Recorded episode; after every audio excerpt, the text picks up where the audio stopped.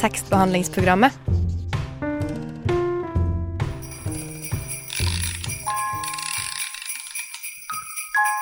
Tekst, tekst, tekst, tekst, tekst, tekst, tekst, tekst, tekst, tekst, tekst, tekst, tekst, tekst, tekst, Tekstbehandlingsprogrammet. TBP. Ja, det stemmer. Det er nå tekstbehandlingsprogrammet, og i studio sitter jeg, Tone Norgård, og Emily Næland. Vi, eh, som du hørte i ringeren, så nærmer det seg jo jul. Det gjør det. Ja, og i dag skal vi ha en eh, julete sending. Vi skal ha en litt julete sending, for det skal handle om julehefter. eh, Og da får vi besøk av en, eh, si, en liten autoritet på julehefter, nemlig Håkon Isaksen. Han er forfatter og er redaktør på flere julehefter, og kan egentlig generelt mye om julehefter, for han har skrevet en bok om det, som har kommet i to utgaver. Mm. Mm. Han har jo skrevet ja, bøker om historien og Ja. Han kan mye, i hvert fall. Jeg gleder meg masse. Ja, Juleheftenes historie er den siste utgaven av den boka, har jeg fått vite. Så hvis det er noen som har, noen som har ekstra interesse for julehefter, så går det an å lese den. Og eh, ellers så skal vi vel ha noen litterære anbefalinger, som vanlig. Ja, har du noen, Tony? Om jeg har noen? Ja, Ja. ja for da, ja, du, du skal Du spørre kan meg. starte. Ja, skal jeg starte? Start, du. Ok. Ja, for jeg har ikke lest noe særlig nytt i det siste. Eh, Jeg har lest gammelt. Eh, Ikke så gammelt, men en sånn medium gammelt. Det, jeg leste ferdig Min kamp 5 i helga. Eh, var, det, var det bra? Ja, det er kjempebra. Veldig relaterbart. Handler om en fyr som ikke Eller som har lyst til å skrive, men ikke får til å skrive, og så får han til å skrive. Så det er veldig inspirerende. Eh, Jeg tror mange unge forfattere kan kjenne seg igjen i. Og så var det en annen bok som heter 'Romaner'. eh, Dikt av Bård Torgersen. Som var eh, rett og slett bare masse plott til forskjellige romaner. Romanideer, kan man si. Så det, det var mine to. Det har vært en liten helg. Ja, jeg, jeg har egentlig bare lest uh, julehefter. Men uh, det kan vi jo også snakke litt om senere, kanskje. Ja. Julehefter, årets julehefter. ja, for jeg har fått lest litt julehefter, jeg også. Jeg har tidligere bare vært Donald. Ja, nei, nå er det mye, mye snacks i hylla. Yes. Vi jeg tror vi bare setter i gang med en liten, eh, en liten juleevangelium-sjangerrapp fra Torolf Høstmeldingen.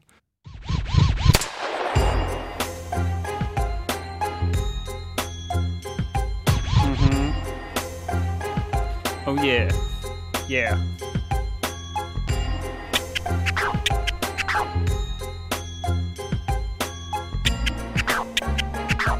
Come on, yeah.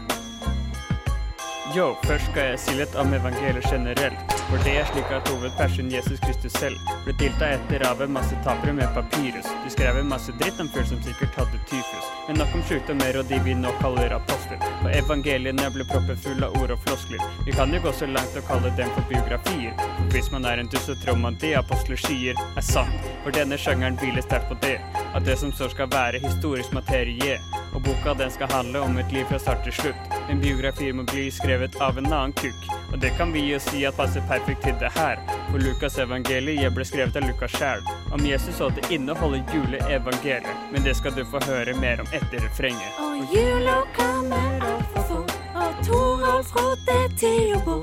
Han burde lese til eksamen og skrive hele denne sjangersalmen. Yo, evangelier de skiller seg fra biografi fordi de handler om han Jesus Kristus liv.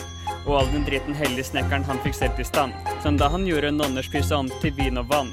Og juleevangeliet det handler om hans fødsel. Og Gud og fuckings verda kom for å gi ham gjødsel. I form av gull og mørre og det man ellers kunne gi. Et sjangertrekk er det at gutten var en profeti. Og evangeliet de legger vekk på personens handling. Men Jesus var en baby, så han gjorde ingenting.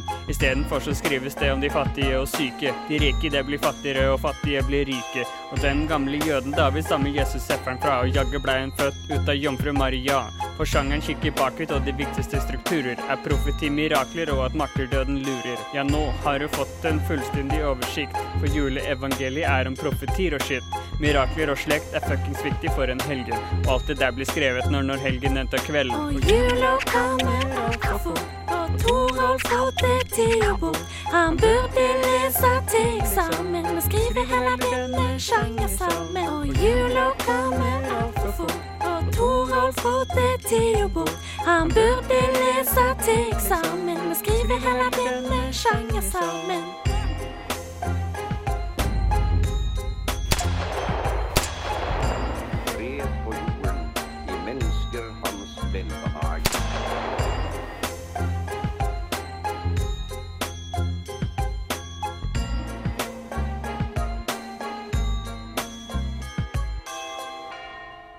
Takk til Torolf Høstmæling for litt stemningssettende julerapp der. Vi skal nå høre en låt fra Radnovas A-liste. Her kommer Grapefruit med låta Arcade Love.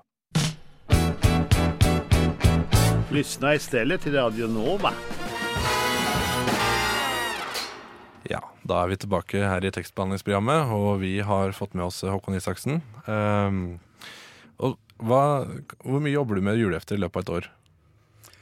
Vel, vi jobber jo med juleheftene gjennom hele året. Gjennom hele året? Og Så du er godt vant med ja, ja da. ja da.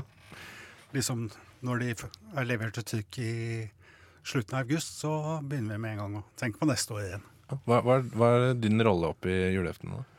Eh, hovedsakelig så er jeg redaktør Redaktør, eh, for en del av titlene, og så skriver jeg i år to hefter, Flåklypa og Den vesle bygda som glemte at det var jul. Som også er Kina-aktuell, den gamle også ja. Alf Prøysen-boka. Ja. Mm. Som da er tilpasset Snekker Andersen. Jeg skjønner. Er det sånn at det er jul eh, hele året, da? For deg? Stort sett. Ja. Stort sett. Slipper ikke unna. Ja, ja det kanskje Jeg gleder deg til jul da, fortsatt? Eller? Jeg gjør jo det. Du gjør det? Sånn for Du kan si når juleheftene nå er ute, så er det masse oppfølgingsarbeid, og så nærmer seg jul, og så roer det seg, så blir det stille, og så på nyåret så er jeg i full gang igjen. Har, har du noen andre prosjekter som du jobber med i løpet av et år, da? Ja, jeg jobber med litt forskjellig. Eh, Ja, den boksen med Viggo som kom for et par år siden. Jeg skrev nettopp en stumpehistorie Mm. eh, for en sånn spesialutgivelse. Og ja, så er det Disney-heftene som da går gjennom hele året, egentlig. Jeg skjønner. Um, ja, fordi, ja, ellers er det Eggmont uh, hovedsakelig, da? Eller? Egmont hovedsakelig, ja. Ja. Uh, ja, jeg tenker vi skal eh, ta den fem faste igjen. Og, Ja, jeg kan gjøre det. Så vi blir litt bedre kjent med deg ja. der også. Fem faste. Fem faste igjen på rykende fart. Yes, Uh, Hva leser du nå? Uh, nå leser jeg en bok av Jan Grue, som het, novellesamling som heter Uromomenter. Eh, ja, eh, Hvilken font skriver du? Hvilken font?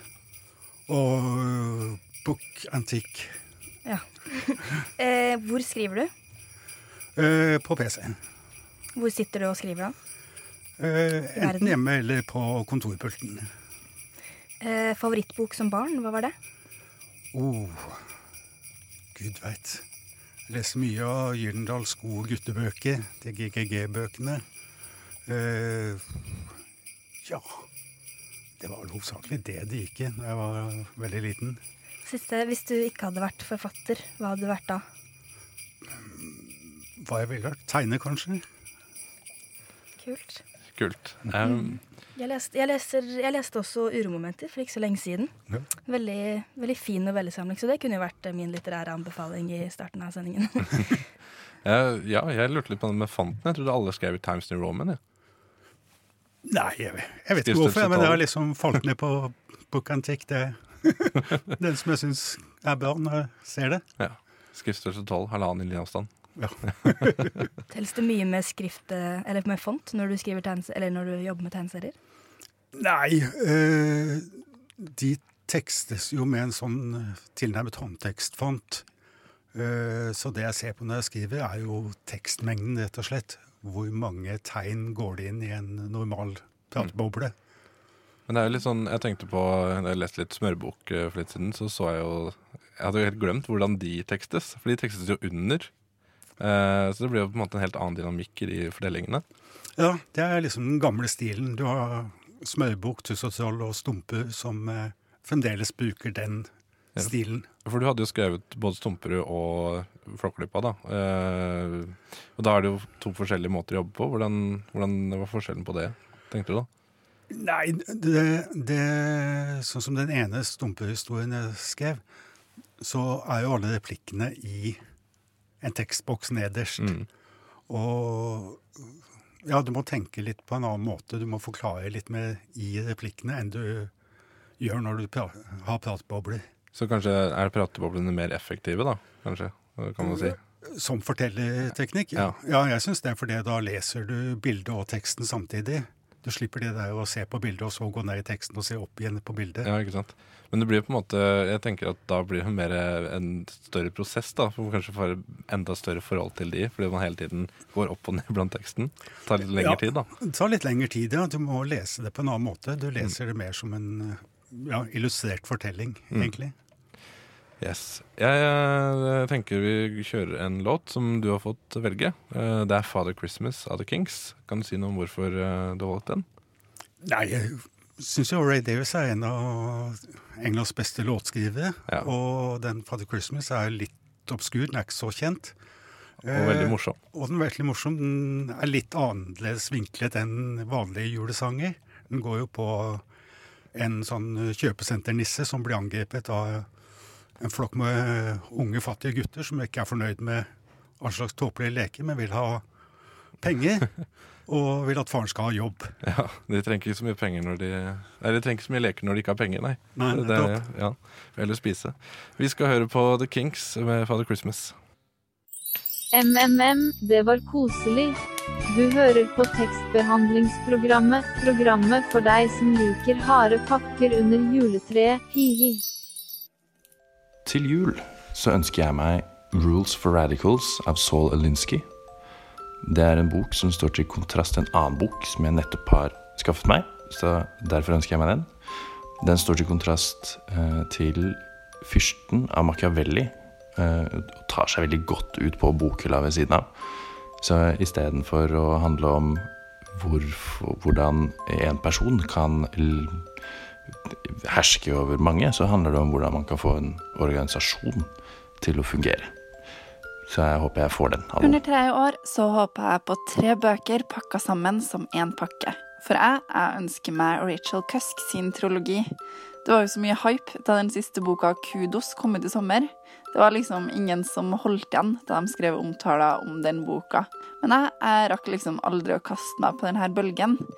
Og forresten så ønsker jeg meg mer tid til jul også.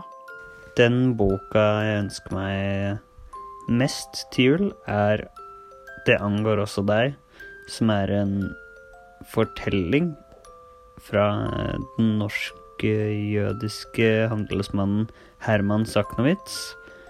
Han eh, bodde i Larvik eh, sammen med søsken og faren sin.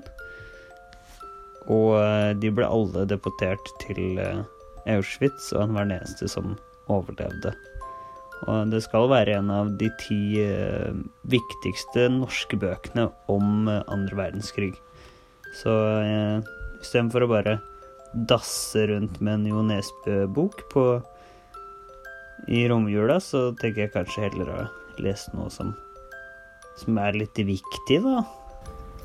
En bok jeg ønsker meg til jul, er eh, Den skjelvende kvinnen av Siri Hustvedt. Fordi jeg liker veldig godt hvordan Hustvedt kombinerer eh, nevrologi, feminisme, kunst og fiksjon. Og jeg syns hun generelt er en veldig kul dame. Kjære julenissen. Jeg ønsker meg Hvem sa hva av Helene Uri. Og det gjorde jeg i fjor òg, men så fikk jeg den ikke. Og jeg lånte den jo på biblioteket da, etter jul, og prøvde å lese i den, eller leste i den så langt som jeg kom, før jeg måtte levere den igjen. Og den var sjukt bra, og jeg har veldig, veldig lyst til å lese den ferdig. Vær så snill. Hilsen Hanna.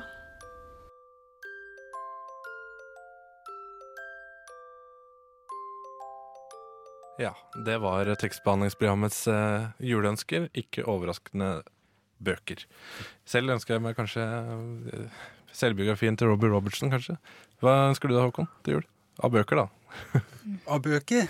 Uh, tja, si det. Uh, ja, jeg skrev opp bøker som jeg gjerne ville ha, men det har jeg jo selvsagt glemt nå. Kan jeg komme tilbake til det? Yes. Uh, jeg tenkte jeg skulle rett og slett spørre deg ut eh, og få svar. Eh, Hva er et julehefte?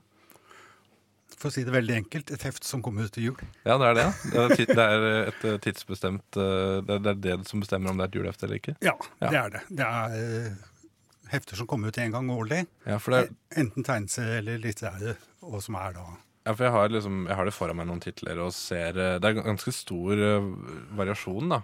Fra liksom juleroser eh, med Herbjørg Kråkvik, så har du Tom og Jerry, Donald og andre Disney. Men også eh, ser jeg norske skihelter. Det er jo noe som jeg ikke har sett før. Eh, Hva, hva, hva er det for noe? Eh, Det er jo et nytt hefte, da. Ja. Eh, Men det baserer seg på en bok av Tor Gåtås, som har skrevet norsk skihistorie. Ja. Og så er det gjort et, eller han har gjort et utvalg der fra norsk langrennshistorie. Ja, ok. Ja, så det er litt nostalgisk, kan du si. da. Litt nostalgisk. Det er liksom fra Håkon Brusveen til Bjørn Dæhlie. Men kan man si at måte, det er en viss form for nostalgi i mange av juleheftene? For det er jo noen, en del av de er ganske eldre titler, da, sånn Smørbok og sånn. Ja, det, er- det er veldig mye nostalgi i julehefter. Mm. Og det ser du jo på kjøpsmønstrene til folk også. Ja. At uh, folk kjøper gjerne det de fikk når de var barn, og bringer den tradisjonen videre til sine barn. Og som du sier, det er jo noen hefter som har vært med i mange, mange tiår. Og det er heft, eh, som f.eks. Knoll og Tott, som jo er det eldste. Det kommer jo ikke ut ellers eh, i året i det hele tatt. Nei, ikke. Og sånn som Stumpe, vi prøvde med et påskeutgivelse og sommerutgivelse, men nei. Folk skal ha til jul. Punktum. Så det er en kjøpegruppe som ikke leser tegneserier ellers. Så vil du, vil du på en måte si at uh, det er ikke noen klare definisjon på hva et julehefte er, men det innebærer at man har en nostalgi til det, da? Eller at folk kjøper det pga. den tradisjonen? Ja, både og. Det er jo mye nostalgi, men så har du jo også nye serier som Pondus og Nemi og sånn, som Du kan ikke godt si at det er nostalgi, men det er for det er populære serier som da når ut eh, med julehefte til enda flere enn de gjør med det vanlige bladet. Men eh, det er jo, eh, det er jo en relativt gammel tradisjon. Trekkes tilbake til 1800-tallet, husker ikke helt når. Ja, De litterære juleheftene begynte jo på 1800-tallet. Det aller første kom vel i 1817, men så var det først på midten av 1800-tallet at det begynte å ta av med litterære julehefter med kjent forfatter, kunstbilag osv. Hva skjedde da? Øh, og da, da var det veldig mange titler som varte De siste kom vel på midten av 40-tallet. Da dabbet interessen av. Og så kom tegneseriejuleheftene da med Knoll og Tott i 1911. Er det noen annen måte det har endret seg med tiden? At det på en måte har kommet flere titler og mer tegneserier? Er det andre måter man ser at det har endret seg? Ja, det har jo kommet langt flere titler. Eh, sånn som i år så er det vel 44 tegneseriejulehefter. Og det hadde vel en topp rundt 2010. Da var det en 60 hefter, og det var for mye. Alle forlagene prøvde å slå hverandre i hjel med alt mulig rart som kom ut som julehefte. Og, og det straffet seg sånn at ble, alle forlagene ble enige om å stramme inn litt. Men uh, hvordan kan du si at tradisjonen oppsto? Var det bare en tanke at nå skal vi ha julefortellinger, og, og det skal selges i jula? Rett og slett. Nei, du, hvis du tenker på tegneseriejuleheftene, så begynte jo som sagt med Knoll og Tott. eh, Men så gikk det en eh, ti år før det begynte å komme litt flere titler. Og da var det norske tegneserier som kom som julehefte, og da serier som gikk enten i ukebladene eller forskjellige barneblader som da en, ble populære via den publiseringen. Og så kom det et ekstra hefte til jul. Ok, jeg skjønner. Det er jo en veldig, veldig særegen tradisjon. Da. Det er veldig sånn Jeg vet ikke, Er, er det bare Norge som har øh, den type utgivelser ved jula? Det er bare Norge som har det omfanget. Uh, I Danmark så er det vel nå bare Knoll og Tott igjen som kommer som julehefte. I Sverige så har de en håndfull hefter som selges via kommisjon og postordre, men det er no bare Norge som har den tradisjonen med disse sjokkselgerne og det veldig brede utvalget og blanding av gamle og nye titler. Hva er, hva er det du tror eh, er grunnen til at det har lykkes i Norge? Hva tenker du? Fordi vi har vært flinke. nei, nei jeg, jeg vet ikke. Det er noe med at jeg tror en viktig grunn var at de første tiårene fram til ja, faktisk frem til 60-tallet så var hoveddelen av julehef- tegneseriejuleheftene norske serier. Og huske på at i, når, når tradisjonen begynte på 1910-1920-tallet, så var Norge en ung nasjon som øh, la vekt på egen kultur, egen øh, kulturproduksjon. Sånn at de norske juleheftene eh, var en del av hva skal jeg si, nasjonsbyggingen. Det var litt nasjonalromantisk, rett og slett. Ja, Om ikke romantisk, men nasjonalt, ja. Det var viktig å poengtere hva som var norsk, at norsk, Norge var Mm. en nasjon med et særpreg og med en egen kultur. Ja, for det er, eh, Norge er en relativt liten språkgruppe, så, men vi, vi føler hardt for det språket vi har. Ja, de språkene. De språkene vi har, ja. ja. For det var vel sikkert noen på nynorsk, eh, en del på nynorsk også den gangen? Det var veldig mange på nynorsk, egentlig. Ja, Guleroser er vel gitt ut på nynorsk. Ja, den, og du har Smørbukk, Tuss og Troll, og du hadde Vangskutane, Haukepatruljen, eh, veldig- og ingeniør Knut Berg. Det var et veldig bredt utvalg av nynorske serier som varte helt til eh, ja, 50, slutten av 50-tallet. Ble det brukt eh, som en del av målkampen, da, kanskje? De gjorde jo det. For å få barn til å lese nynorsk, eventuelt? Ja, og du hadde jo barneblad som Eller Norsk Barneblad, som eksisterer fortsatt, men du hadde Barneblad Magne. Du hadde flere barneblad som ble liksom solgt via kommisjonærer rundt omkring i landet for å spre kulturen og for å spre språket. Ja. Jeg tenker vi skal eh, gå over eh, til en låt til som du har valgt. Det er Luden Wainwright den tredje, og låta heter 'Suddenly It's Christmas'. Men uh, hvorfor uh, har du valgt den? Det er jo igjen en litt sær julesang. Den går jo på ikke på julefeiringen, men hvordan julefeiringen har bredt seg ut i tid. At nå er julen i sesong fra begynnelsen av november til ut året. Og alt det maset og stresset som det medfører. Det er veldig, veldig aktuelt, da. Absolutt aktuelt. Da spiller vi den. Hei, jeg heter Aune, og du må høre på tekstbehandlingsprogrammet. Fordi kunnskap og viten, det er det mest vidunderlige på denne jorden.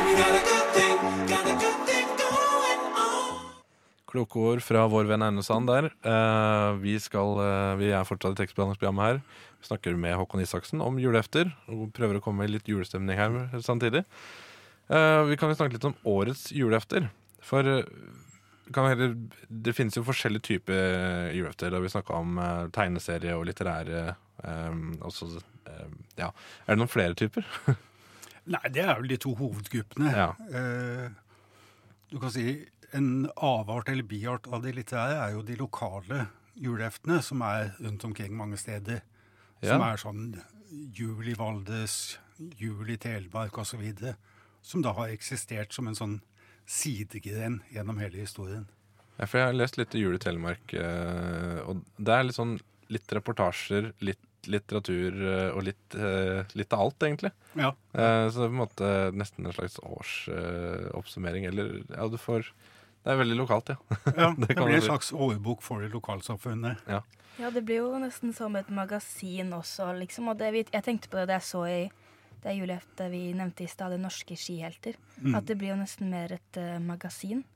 Uh, jeg vet ikke helt, men Du sa det var inspirert av en bok, eller Ja, det, at det er hentet, materialet er hentet fra en bok. Og det, det er en ny idé Eller det konseptet det er en ny idé i år? Ja, ja, det er det. Tror du det blir noe eh, Kommer du til å ta det videre, kanskje? Ja. Salget avgjør. Salget avgjør. Hele tiden. Salget avgjør. Ja. Uh, ja, for det er, det er jo, eh, det er jo eh, som vi snakka om, de, de gode gamle, som Knoll og Tott og Billy og Blondie og Stumperud og en god del av de. Uh, det er vel litt sånn blanding av nye historier og uh, god gamle årgang, er det ikke det?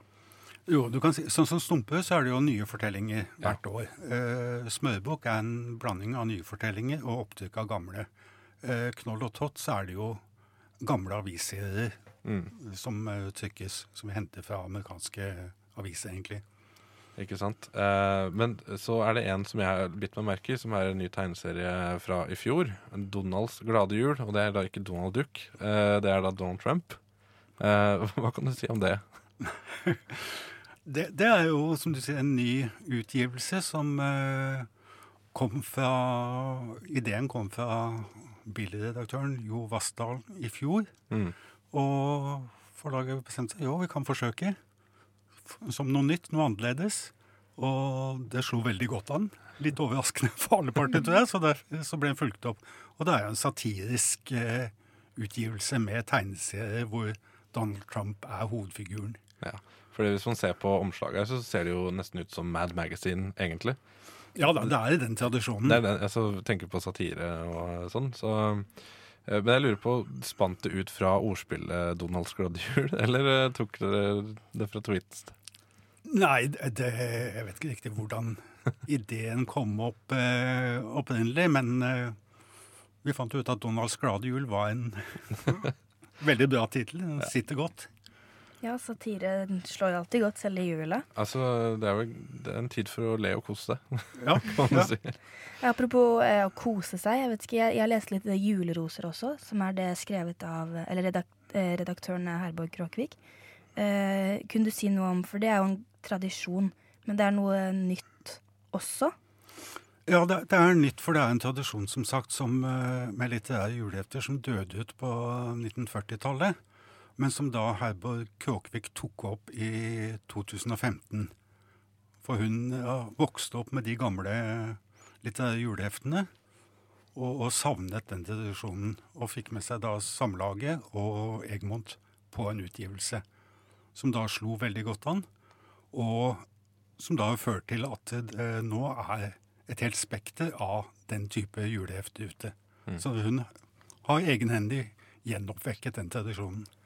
Og så ser jeg også at det har kommet en eh, som heter Barnas juleroser, som også var uh, ny fra i fjor. Ja. Det er også den samme, det er også her på Kråkvik. Ja da, det er det. Det er hennes eh, konsept, det også. Men da med tekster og illustrasjoner som rettet mot barn, men med samme ganske høye litterære og kunstneriske nivå som juleroser. Ja, fordi det er, eh, det er et julehefte med mange tekster samlet av ulike forfattere. Ja. Mange kjente Ja, og mange kjente forfattere, og som da for aller flest del skriver nytt for det jule, eller de to juleheftene. Og illustrasjoner av kjente norske kunstnere. Mm. Jeg så var Kjell Aukrust i år. Ja, han var litt tema i Juleroser i år. Mm. Men altså, vi snakka jo tidligere om at eh, eh, de, eh, de som kjøper julehefter, eh, kjøper de samme juleheftene som de har kjøpt hele livet, da, og føre det videre til barna. Men det er jo også noen julehefter som er eh, helt nye titler, som på en måte er den oppvoksende generasjonen sine litteratur... eh, kan man si da, Du har jo annet 'Snøfall', som kom med en tegneserie her. Og så har du 'Frost'. eh, og så er det jo Nå tenkte jeg på den siste her, da. Jo, 'Detektivbyrået'. Mm. Detektivbyrå nummer to, den Jørn Lier Horst-greiene. Det, det er vel nytt, alle de tre? Ja da, de er ganske nye alle tre. Det er jo mer mot barnesegmentet. Men hva Dette er jo ikke nostalgi, da, for dette er jo helt nytt. Hvordan tenker dere i forhold til det, da? Nei, det er jo Når dere skal lage det, liksom? Uh, Det er to uh, aspekter. Det ene er å populære fenomen, sånn som Frost, som jo kommer med en ny film nå og sånt noe. Og så er det det å bygge en tradisjon, sånn som med Detektivbyrå nummer to. At det, det er jo å håpe at den kan fortsette videre. Uh, mens Frost, hvis det ikke kommer flere filmer, så blir ikke det noen tradisjon. Det er med engangsutgivelse. Det må være ganske spennende å prøve å bygge en tradisjon. Det er det. Det er jo like spennende hvert år, eller når vi da har noe som er forholdsvis nytt, å se går det hjem i det hele tatt, og er det grunnlag for å gå videre med det. Mm. Har du en eh, helt til slutt eh, om dette her? Har du, hva er din favoritt? Det er vel egentlig bedre å spørre. Har du lov å si det? Det har jeg lov, men jeg er jo hårreisende inhabil. I og med at jeg har skrevet to hefter og vært redaktør på masse av dem. Mm. Eh, men jeg kan jo være illojal overfor forlaget og si at jeg liker Pondus. og Tommy og Tigeren. Og så er jeg sans for Stumperud og det han Håkon Åsnes har gjort med den. Da tenker vi skal spille en eh, låt til som du har valgt. Det er Ray Davis med Chrissy Hind, 'Postcard from London'. Og hvorfor har du valgt den? Altså, Vi vet jo at du liker Ray Davis, men hvorfor akkurat denne? Nei, for det, det er, jeg syns det er en veldig fin sang, og den er ikke sentralt julesang, men den er typisk Ray Davis, litt sånn nostalgisk om London og det London som han vokste opp i. Og hvor han da bruker et postkort som han viser barnebarna. liksom Sånn var London, og det var det det var på den, min tid. Hm. Da tenker vi at du hører på den. What? Radio nå.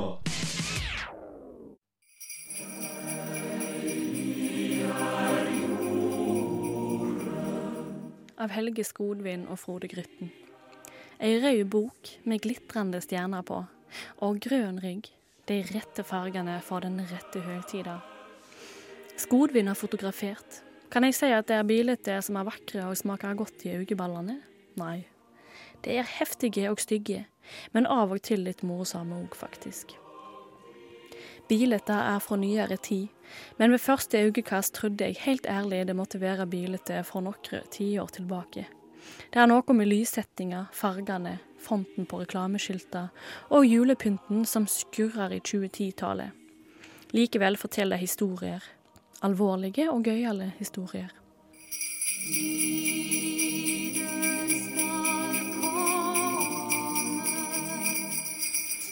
Og så har vi Grytten, med sine finurlige formuleringer og til dels helt sjuke skrivestil, får vi innblikk i hva jula egentlig dreier seg om.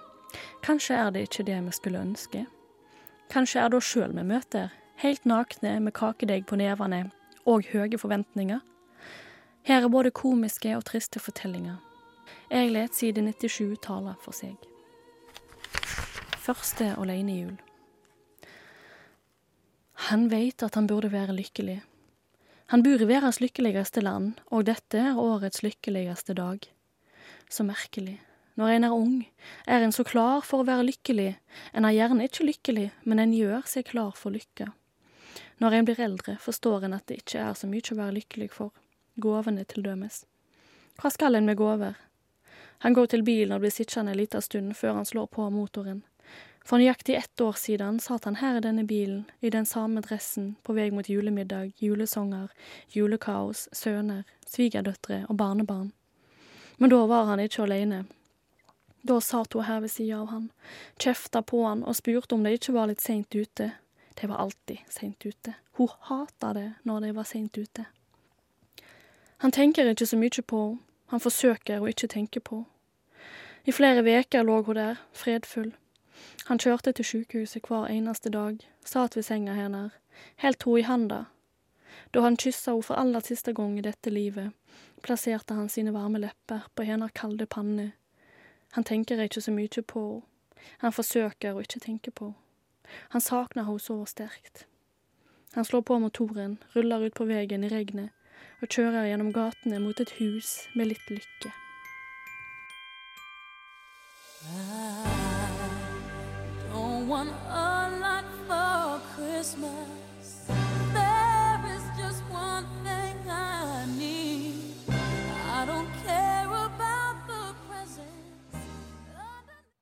Et lite klipp fra kanskje verdens verste julesang der.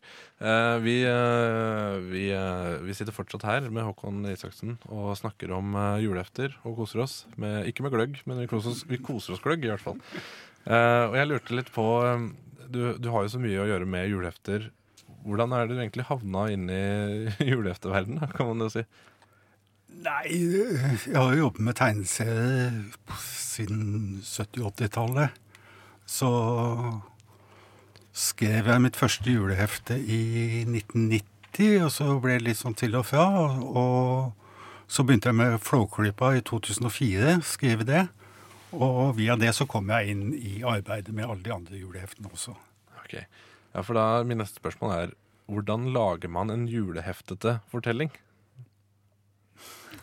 Eh, ja, da, da Hvor, hvor starter man, liksom? Hva er det man må tenke på? Ja, Da må jeg ta utgangspunkt i Flåklypa, som jo er den jeg har skrevet gjennom mange år nå. Uh, da har du liksom noen parametere. Det skal være 32 sider. Eh, vi begynner bestandig med en scene hjemme hos Reodor Solan og Ludvig, og vi skal på siste side ende opp med julefeiring. Og så må jeg fylle sidene innimellom. Og utgangspunktet så må jeg ha en idé. Hva kan jeg gjøre for å få de i gang ut av huset? eh, At de skal oppleve ting. Og så må jeg hva skal jeg prøve å komme på masse ideer. Og når jeg syns at nå har jeg noe å gå ut fra, så må jeg forsøke å stokke ideene. Hva er det som henger sammen? Hva er det som kan fungere sammen? Hva er det som er helt på siden? Og øh, ja, egentlig veldig mye sånn øh, idénotering gjennom året. Og så når jeg har en slags rammestruktur som jeg setter meg ned og konsentrert og skriver. Og da tar jeg som regel en uke hvor jeg kun sitter og skriver julehefte og strukturerer, strukturerer historien. Eh, Men, men i og med at du på en måte har laget eh, eh, tegneserier også, hva, hva vil du si Eller er det noe annet man må tenke på, eller noe ekstra man må tenke på når man lager julehefter, enn når man bare lager en vanlig tegneserie? Eller er det bare at det må være plassert i desember og litt juleklokker og sånn? Ja, du må jo tenke litt ut fra konseptet sånn ja, sånn som er på Aukust. ikke gå utover det som er hans univers, men allikevel bruke det. Ikke bare planke det han har gjort, men bruke hans ideer videre. Og ja, som du sier, det skal jo gjerne være litt juletema. Og, og vi pleier å ende opp med jul. Men hva som skjer innimellom, der kan det være alt mulig rart. Men eh, du, du skriver Flåklypa, men det er noen andre som tegner? Ja. Eh, hvordan jobber du sammen med tegneren? Uh, nå er det en som heter Thierry Capzone, som bor i København, som tegner. Så måten vi jobber på nå, er at jeg skriver et manus fullt ut med bildebeskrivelser, replikker og alt. Beskriver hva som skal være i hver, hver ute. Så går det til redaktøren, som da kommenterer og ber om endringer, og noen ganger får det, og noen ganger ikke. Og så går det til tegneren. Så sitter han helt eh, adskilt fra meg, egentlig. Mm. Han spør jo meg, og jeg fòrer han med informasjon for at ting skal bli visuelt riktig. Men eh, han, vi jobber selvstendig hver for oss, sånn sett. Ja, så han, har, han må ha litt kjennskap, fra før da, til Kjell Aukrust eh, sine tegninger og sånn, og tatt inspirasjon fra det? Ja da, jeg har fòret han med det jeg har kommet over av Aukrust-bøker. Og så pleier jeg jo også å gi han eh, en mengde med billedreferanser, i og med at han er en franskmann som bor i Danmark. Mm. så er det masse ved norske forhold som må være riktig. Hvordan ser et belkespann ut i Norge? Hvordan ser et busstoppskilt ut? Alle sånne ting, detaljer, de skal jo være riktige. Og du, du har skrevet Flåklypa, men eh, er det en grunn til at du har Eller du har, har du stoppet der, eller liksom kunne du tenke deg å skrive flere, eller utforske flere, flere typer julehefter? Ja, jeg, jeg har jo også nå skrevet den der Den vesle bygda som glemte at det var jul. Eh, men det ble mer sånn oppdragsskriving fordi det skulle lages et julehefte ut fra filmen. Men klart det kunne vært art- artig å skrive andre ting òg. Men eh, det skal være et marked for det. Og det er vanskelig å slippe til med noe som er helt nytt. Men hvor lang tid bruker du på et si Flåklypa-hefte, da? Et år? Et år?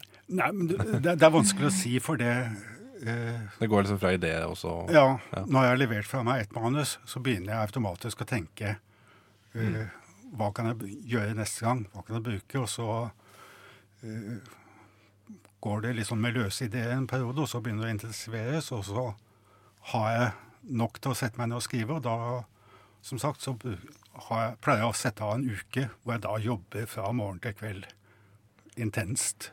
Kan man da si at uh, idéfasen var 51 uker, og skrivingen er én uke? Ja, idéfasen og utarbeiding av synopsis og konsept og eh, handling. Ja. Jeg skjønner. Um, Har du noen, eh, har du noen tips til uh, folk som vil lage julehefter? Vordende julehefteskapere? Eh, det er vanskelig å komme inn på juleheftemarkedet. For det, eh, som jeg er inne på, så er det mye tradisjon, og det er mye kjente konsepter. Det å komme inn på juleheftemarkedet med noe som er helt nytt, som ikke er kjent fra før, det er vanskelig. Men det er klart, vi har jo sånn som eh, Donalds gladehjul? Som bare Donalds kom inn. glade jul, ja, som er helt nytt. Og som tegneserie ellers har jo f.eks. Malin Falks Nordlys, som var helt ny. eh, Hennes idé og, og konsept, og som ble en stor suksess. Og det beste råd er gå i gang, skriv. Skriv og se hva du får til. Og, og gå til forlaget og spør. Høres ut som eh, et godt tips, og jeg tenker vi eh, avslutter der. Tusen takk eh, for at du kom. Takk Takk for at jeg fikk komme. Mm. Yes. Hallo, mitt navn er Knut Nærum, og du hører på tekstbehandlingsprogrammet. Jeg går i hvert fall ut fra at du gjør det. Da er tekstbehandlingsprogrammet ved sitt, uh, sitt veis ende. Uh, og jeg, som jeg sa innledningsvis, så hvis du er interessert i å lære mer om julehefter, julefter, så har Håkon Isaksen skrevet juleheftenes historie, som du kan kjøpe og lese, rett og slett. Uh, og gå, gå dypt i materie. Helt Mm. tilbake til 1800-tallet. Eh, neste uke, så hva skjer da? Neste uke så får vi besøk av Vegard Tryggeseid, som skal fortelle om sin nye bok 'Historien om Norge'. Eh, Men hvis du ikke klarer å vente til da med å høre på tekstbehandlingsprogrammet, så kan du også høre på tidligere sendinger på podkast. Din ønskede podkast-app. Vi er både på Ja, vi er, vi er overalt. Eh, Og så er vi også på Instagram og Facebook. Ja. Hvis du følger med der. Hvis du følger med der. Kjære lytter. ja. Så da, da vil jeg egentlig bare si eh, Det er jo ikke helt god jul enda, kanskje. Det, God, god, god adventstid. god adventstid. førjul. God førjul. God eh, Ja, det er ikke gledelig jul, for det er først eh, i romjula man sier. Ja, god juleefterlesing. God juleefterlesing. Yes. Da tenker jeg vi takker for oss, ja. Vi har vært Tony Norgård og Emily Neland. Neland. og tekniker har vært Anniken Størland. Takk for oss. Tekstbehandlingsprogrammet.